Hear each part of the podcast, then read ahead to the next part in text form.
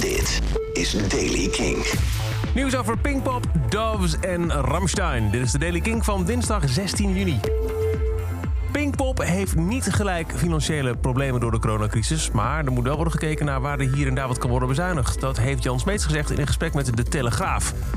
Het festival beschikt over financiële buffers. Rampjaar als dit is op te vangen. Maar er moet volgend jaar wel kritisch worden gekeken naar waar we allemaal geld aan uitgeven, heeft Smeets gezegd. Heel veel aanbetalingen waren al gedaan aan artiesten, een groot vermogen. Maar het is allemaal keurig teruggestort, heeft hij verteld in het interview. Wat er nog overblijft zijn personeels- en publiciteitskosten. Maar, zegt hij, we zijn financieel gezond. De Britse band Doves lijken te teasen naar een terugkeer. Ze hebben een countdown-klok op hun website neergezet... die aftelt naar vrijdag 19 juni. In januari vertelden ze al dat ze de laatste hand aan het leggen waren... aan hun eerste nieuwe album sinds Kingdom of Rust uit 2009.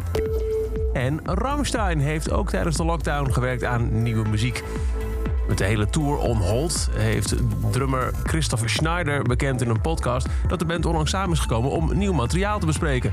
Er slingeren heel veel ideeën rond, heel veel onafgemaakte liedjes, zei hij. We hebben elkaar gezien en we werken aan nieuwe nummers. Of het een album wordt of niet, dat weten we nog niet, maar nieuw materiaal is onderweg.